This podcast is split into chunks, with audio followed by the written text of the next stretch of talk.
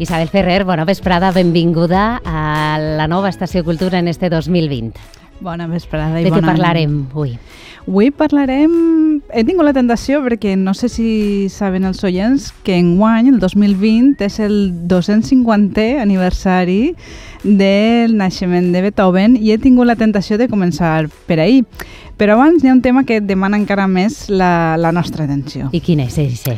Doncs després de tot el Nadal i de tota la voràgine publicitària, tots som conscients del poder que té la música per atraure'ns comercialment parlant. Mm. Tots recordem músiques d'anunci, de partits polítics, de supermercats i eh, són especialment enganxoses. Aleshores jo m'he preguntat, això de música i publicitat, des de quan funciona? Perquè jo crec que en la ràdio, en la televisió, tots tenim molt clar que els enregistraments no, pràcticament anaren units Sí. a, a, a, a la publicitat en, en la música. Però, però abans com funcionava? Clar, la veritat és que jo sempre recorde més els anuncis que van acompanyats amb una música i on es diu el nom de la marca, ara estic fent memòria Totalment. mentre tu parles d'això, i això que, que s'ho va inventar? Alguna persona o, o com va estar que sapiem, no va ser idea de ningú en Ahà. concret. Més bé, al revés, és una cosa que, que, és, que és un fenomen molt comú arreu del món occidental, per, per dir-ho així, eh? que, que, que coneixem o que es moga en les mateixes coordenades que, que nosaltres.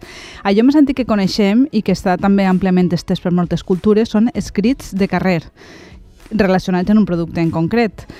Encara, si en, en els nostres territoris, en els anys 40 i 50, era fàcil escoltar-ne eh, en quan estaves en casa. Així que, per a sentir un exemple que encara hem arribat a escoltar, si voleu, sentim-lo.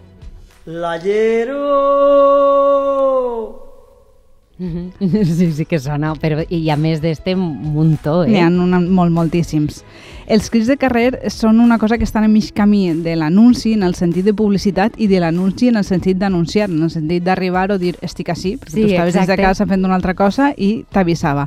Aleshores apareixen en, en venedors ambulants o en espais molt concorreguts com ara el, el mercat. Un altre crit molt reconeixible era el crit del sereno i que sempre té la mateixa melodia. Aleshores, la majoria de vegades, els crits de, de carrer, com l'ayer, són es, es composen d'una forma molt senzilla. Són una melodia molt, molt breu en les, unes paraules fàcilment identificables, com és el cas de l'ayer que diu la seva professió. Tot i això, n'hi ha un cas particular on també van acompanyats d'una música i, per tant, la música només, no cal ni que diguin res, ja és fàcilment reconeixible, que seria el cas que escoltarem a continuació. Vinga.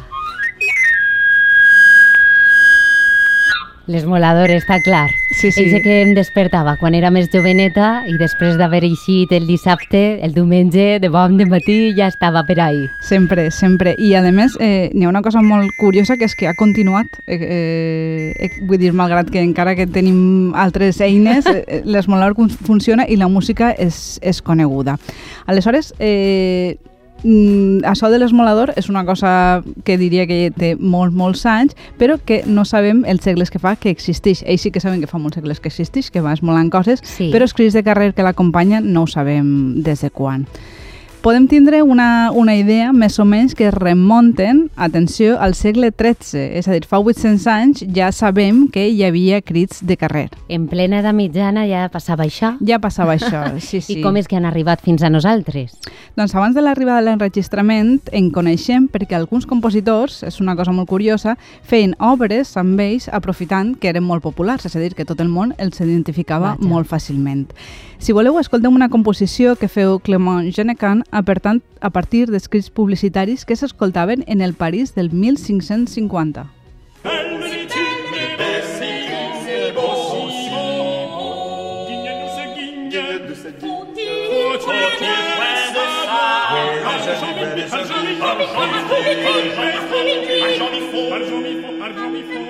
I com sabem que això són autèntics crits de carrer? Sí, són una, una successió que jo crec que s'escolta i ho sabem perquè n'hi ha un tipus de composició que s'anomena quod libet. Quod libet ve del llatí, que vol dir quod, que vol dir que, i libet, que agrada, que plau, és, a dir, allò que plau.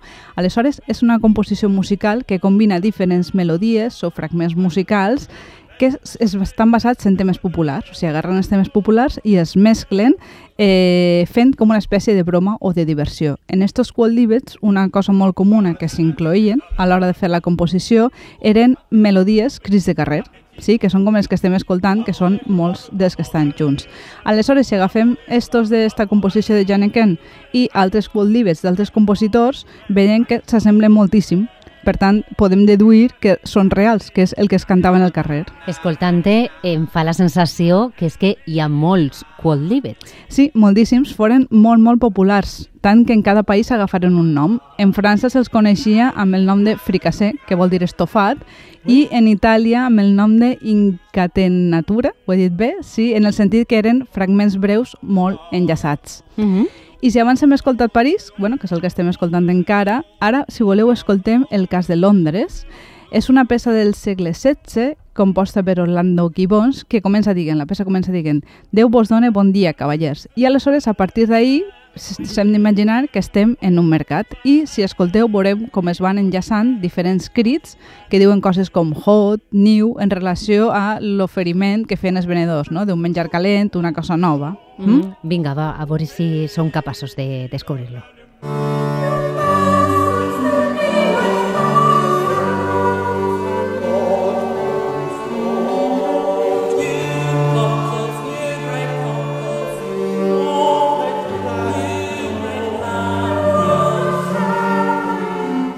Però clar, també imagine que estos crits de carrer van evolucionar moltíssim. D'una banda sí, i ara després veurem com, però d'altra no tant.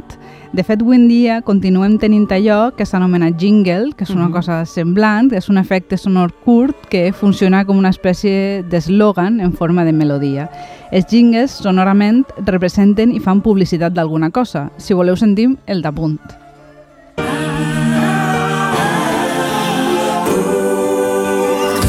Sí? Sí, eh, identifiquen ràdios, però identifiquen també marques comercials. Ara estic pensant en una coneguda cadena de supermercats valenciana uh -huh. o també en una empresa de reparació de vidres de cotxe que últimament s'ha fet molt, molt coneguda. Mm -hmm. Per cert, que el jingle d'apunt està justament eh, compost per, per, per Carles Xiner, que abans l'acabem d'entrevistar. De, ah, mira, pues no ho sabia. Sí, sí. curiós una curiositat feliç, sí.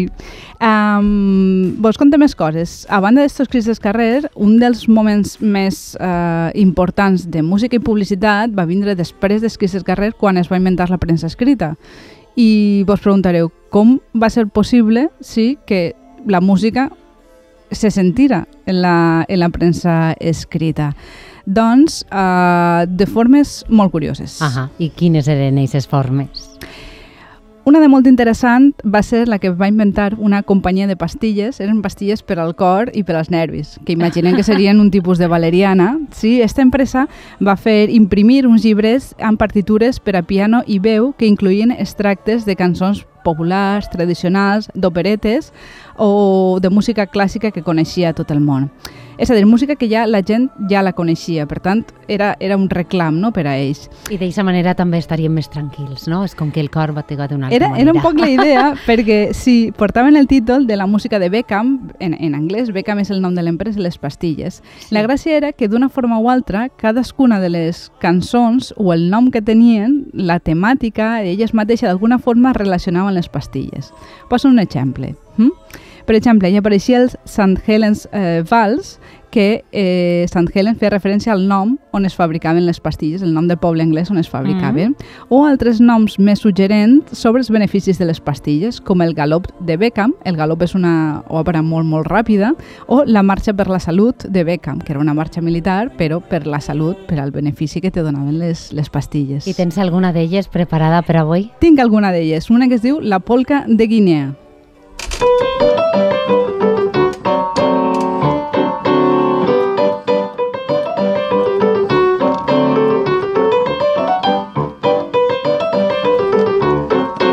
els va funcionar a esta marca? Es va funcionar molt, se'n van fer moltíssimes edicions i diferents volums, eh? podies tindre tota la col·lecció de Beckham si volies. El que passa és que este sistema implicava saber llegir música, aleshores, a poc a poc va començar a desaparèixer quan els enregistraments es va començar a generalitzar. Però abans d'això, els publicistes americans, que ja sabem que tenen molta, molta imaginació, van tindre alguna idea més que a més tindria molt d'èxit. Quina idea? Doncs als Estats Units, quan van començar a aparèixer les grans magatzems a la costa oest, les botigues d'allí organitzaren orquestres i cors dels mateixos empleats, sí, per a fer eh, com a mitjà de diversió i educació, en principi per als empleats, i després oferir concerts a els clients, els O sigui mateixos que, empleats. Eh? Que no és com ara, no? que en els centres comercials és el, el film musical i si és que està allà directament un concert en viu. dels empleats. Eh, de forma que eh, en, en aquells temps que no teníem massa més alternatives, anaves al centre comercial i podies trobar-te en un concert, sí que a més crea un poc d'ambient, eh, perquè anar a un centre comercial buit és una cosa que fa un poquet de, de por. Sí, ara és com que ha canviat molt la cosa. És, això ja no, ja no passa. I que, que siga de debades és complicat també. És complicat, però la música encara deixa poder de persuasió, no? de que encara se la posen eh, encara continua apareguent en, en els supermercats d'una forma o altra, a vegades en directe, eh? encara fan concerts, però a, a vegades gravada. I per acabar, si voleu, vos he portat dos regalets musicals. Vinga. El primer que vaig a posar-vos és el primer jingle que es va fer en la ràdio venent un producte. És de l'any que jo he trobat, eh? és de l'any 1926 i és una marca de cereals, de cereals d'esmorzar. De, de, el seu propietari tenia poques vendes i es va inventar una música que dia eh, la lletra dia has escollit uvetis, que és el nom dels cereals, el blat és el millor menjar de l'home, són cruixents, els xiquets mai estaran cansats, etc. I si voleu, escoltem-la. Have you tried Wheaties? They're whole wheat with all of the bran. Won't you try? I els va funcionar, Isabel? Es va funcionar tant que van passar de ser una empresa, diguem, regional, que només venia en l'estat de Minnesota, a vendre en tots els Estats Units i ens ha arribat la música avui en dia. I el segon regal, regal diria que ha esdevingut un dels crits més famosos, un dels crits del carrer que escoltàvem a, a l'inici, mm. -hmm. més coneguts arreu del món, gràcies a una versió que va fer el gran Antonio Machín als anys 40. Maní.